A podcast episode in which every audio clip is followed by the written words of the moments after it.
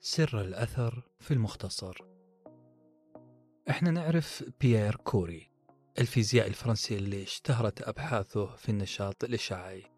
كان هو وزوجته ماري كوري من رواد أبحاث الأشعة ومع بعض حصلوا على جائزة نوبل في الفيزياء عام 1903 هذا العالم توفي في عمر 46 سنة. وهذا يعتبر موت مبكر ولكن أثر هذا الفيزيائي كبير على العالم.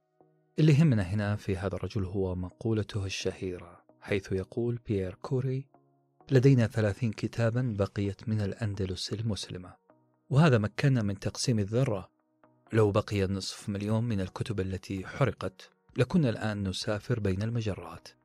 بالمقابل عزيزي المستمع تخيل أثر المعرفة التي كانت فقط في ثلاثين كتاب. ماذا لو لم تكتب؟ هل هناك معارف مهدرة في الحياة بشكل عام وفي بيئة العمل بشكل خاص؟ وهل كل واحد فينا حريص على أن يترك أثرا بعد أن يترك العمل مثلا؟ في المجتمع الوظيفي من المعروف تبني المؤسسات الحكومية والشركات الخاصة لبرامج متنوعة هذه البرامج تهدف إلى تحفيز منسوبيها والتعبير عن شكرهم وعرفانهم عشان إسهاماتهم المختلفة في تحقيق إنجازاتها التشغيلية أو المالية أحد هذه البرامج العريقة والناجحة هو برنامج تكريم أصحاب الخدمة المستمرة والمتقاعدين. إنه الموظف يخدم لأكثر من عقدين مستمرين في شركة واحدة يعد إنجاز كبير. إنجاز يستحق التقدير المناسب. الخدمة المستمرة هي رحلة طويلة تستمر لأعوام مستمرة من العطاء والجهد. تتوج بعديد من النجاحات والإنجازات الشخصية بالنسبة للكثيرين مننا. اللي ينجح في الوصول إلى هذه المرحلة في مشواره المهني يكون قد حقق نجاحات ذات أبعاد متعددة ووقتها يكون له الحق أنه يتباهى بها متى شاء لكن هل سأل أحدنا نفسه هل هذه النجاحات مستدامة الأثر يا ترى؟ شخصيا ولما طلب مني كتابة فقرة مختصرة حول إنجازاتي أنا خلال السنوات الماضية من تاريخ المهني عشان أسرده أثناء التكريم وجدت صعوبة في قبول هذا الطلب. سألت نفسي كيف لهم أن يطلبوا مني تقليص أكثر من عقدين من الإنجازات في فترة مختصرة أو حتى صفحة كاملة؟ في لحظة قلت لنفسي هذا مو عدل على الإطلاق. كنت في حيرة كيف أختصر الإنجازات حتى صادف أن زرت معرض 101 101 من الاختراعات التي غيرت العالم. هذا المعرض اللي قالت عنه إحدى المحطات التلفزيونية في الولايات المتحدة الأمريكية أنه مثل السفر حول العالم مع حركة سريعة عبر الزمن بينما أنت واقف في مكان واحد. هذه الرحلة السريعة جعلتني أعيد النظر في رأيي حول مفهوم الإنجاز ومدى تأثير هذا المفهوم على الآخرين من حولنا بل وعلى العالم. أدركت أنه يمكن تلخيص حياتك وإنجازاتك في جملة واحدة ما دام لها الأثر الكبير على محيطك. فمثلا يكفينا أن نقول عن أبو الأسود الدؤلي الذي عاش بين 16 قبل الهجرة إلى 69 هجرية. إنه عالم نحوي وضع علم النحو في اللغة العربية وشكل أحرف المصحف ووضع النقاط على الأحرف العربية. مثال آخر راي توملينسون ولد عام 1941 وتوفى عام 2016 هو مبرمج أمريكي مبتكر للرسائل الإلكترونية أو صاحب فكرة البريد الإلكتروني. وغيرهم الكثير. في هذين المثالين ما كان في حاجة حتى لنصف صفحة لسرد إنجاز أثر هؤلاء العلماء. جميع هذه الثمرات والإنجازات بدأت صغيرة لكنها انتهت كبيرة. وكما قال الشاعر خلي الذنوب صغيرها وكبيرها فهو التقى. كن فوق ماش فوق أرض الشوك يحذر ما يرى. لا تحقرن صغيرة إن الجبال من الحصى. المهم أنه بعد ذلك اختصرت إنجازاتي ومساهماتي المهنية وفي يوم التكريم. قرأها المقدم خلال دقيقتين تزيد أو تنقص. تفرست في وجوه الحاضرين علي أرى. أثر إنجازاتي عليهم. السؤال لكم أصدقائي المستمعين. تتوقعون ماذا رأيت؟ رأيت من يحاكي جواله وآخر يلاعب منخاره وثالث يناظرني شذرا. أشحت بناظري عنهم وسألت نفسي هل هذا الأثر الذي أريد تركه على الناس. تلك اللحظة كانت نقطة تحول بالنسبة لي. عرفت ماذا أريد أن أفعل لكي أكون مساهما إيجابيا لتغيير نفسي وما حولي إلى الأفضل.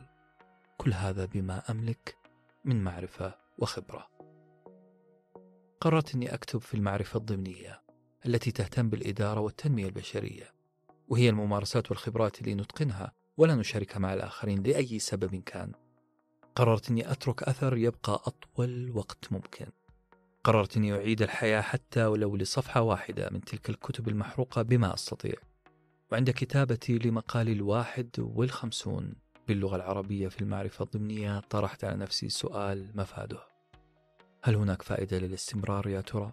وهل أكتفي بالاحتفال باليوبيل الذهبي؟ لأني ظنيت لي وهلة أن المحتوى ما يحتاج استمرارية بل سأكتفي ب 20 أو 30 مقال عشان أوصل ما أكتنزه من معرفة وخبرات. وجدت الإجابة الشافية لهذا الفتور والتردد عندما وقعت تحت ناظري مقطع مرئي لا يتعدى دقيقتين عن قصة ملهمة جدا عن المزارع الهندي جداف. هذا المزارع اللي استطاع أن يغرس غابة. نعم غابة وليست شجرة. زرع الغابة على مدى 37 عاما متواصلة. حيث كان يزرع شجرة يوميا. الرجل ما مل ولا كل. آمن بهدفه البسيط في فكرته والعظيم في أثره على البيئة والحياة الفطرية. نتيجة عمل هذا الرجل تسمى الآن غابة مولاي في جزيرة ميغولي الهندية. بعد أن كانت هذه الأرض أرض قاحلة لا حياة فيها. مساحة الغابة تقدر بضعف مساحة سنترال بارك في نيويورك. عودة الحياة للنباتات نتج عنها عودة للحيوانات طبعا. من المؤكد أنه جداف هذا الرجل. لم يقف ليحتفل باليوبيل الذهبي أو الماسي أو البلاتيني بل استمر بالعمل لينجز الهدف الأسمى. لم يضيع وقته للاحتفال مبكرا بإنجازاته بل استمر وواظب وترك الزمن يظهر أثر عمله. سبحان الله. كانه طبق قول الرسول صلى الله عليه وسلم يا أيها الناس خذوا من الأعمال ما تطيقون فإن الله لا يمل حتى تملوا. وإن أحب الأعمال إلى الله ما دام وإن قل. في بيئة العمل نقع أحيانا في خطأ الاحتفال مبكرا بالإنجاز قبل نضوج المشروع. والنتيجة هي عدم الاستمرارية للمنتج أو التأثير المباشر على جودته النهائية. النظرة القصيرة للأمور ليست صحيحة بتاتا. لذلك فإن العمل بلا رؤية واستراتيجية واضحة أظن شخصيا ألا مستقبل له. أصدقائي هناك ثلاثة عوامل يحتاجها الشخص الناجح. أو الشخص الراغب في النجاح. العوامل هي الشغف الصبر والإصرار. أتذكر هنا قصتي مع مديري الذي كان ينتمي لإحدى الجنسيات الغربية. قبيل إحالته للتقاعد سألته أن يسدي إلي نصيحة قبل أن يغادرنا. فقال لي كن صبورا لا تستعجل الأمور سيأتي دورك يوما ما. الصبر إذا ركيزة أساسية لأي نجاح تسمو إليه. متى ما توفر معه الإصرار والشغف مبروك. أنت حصلت على الخلطة السحرية وهذه الخلطة السحرية امتلكها جداف المزارع اللي ما استحقر فعله البسيط وصبر على نفسه. في ذلك الوقت قررت ألا أحتفل باليوبيل الذهبي.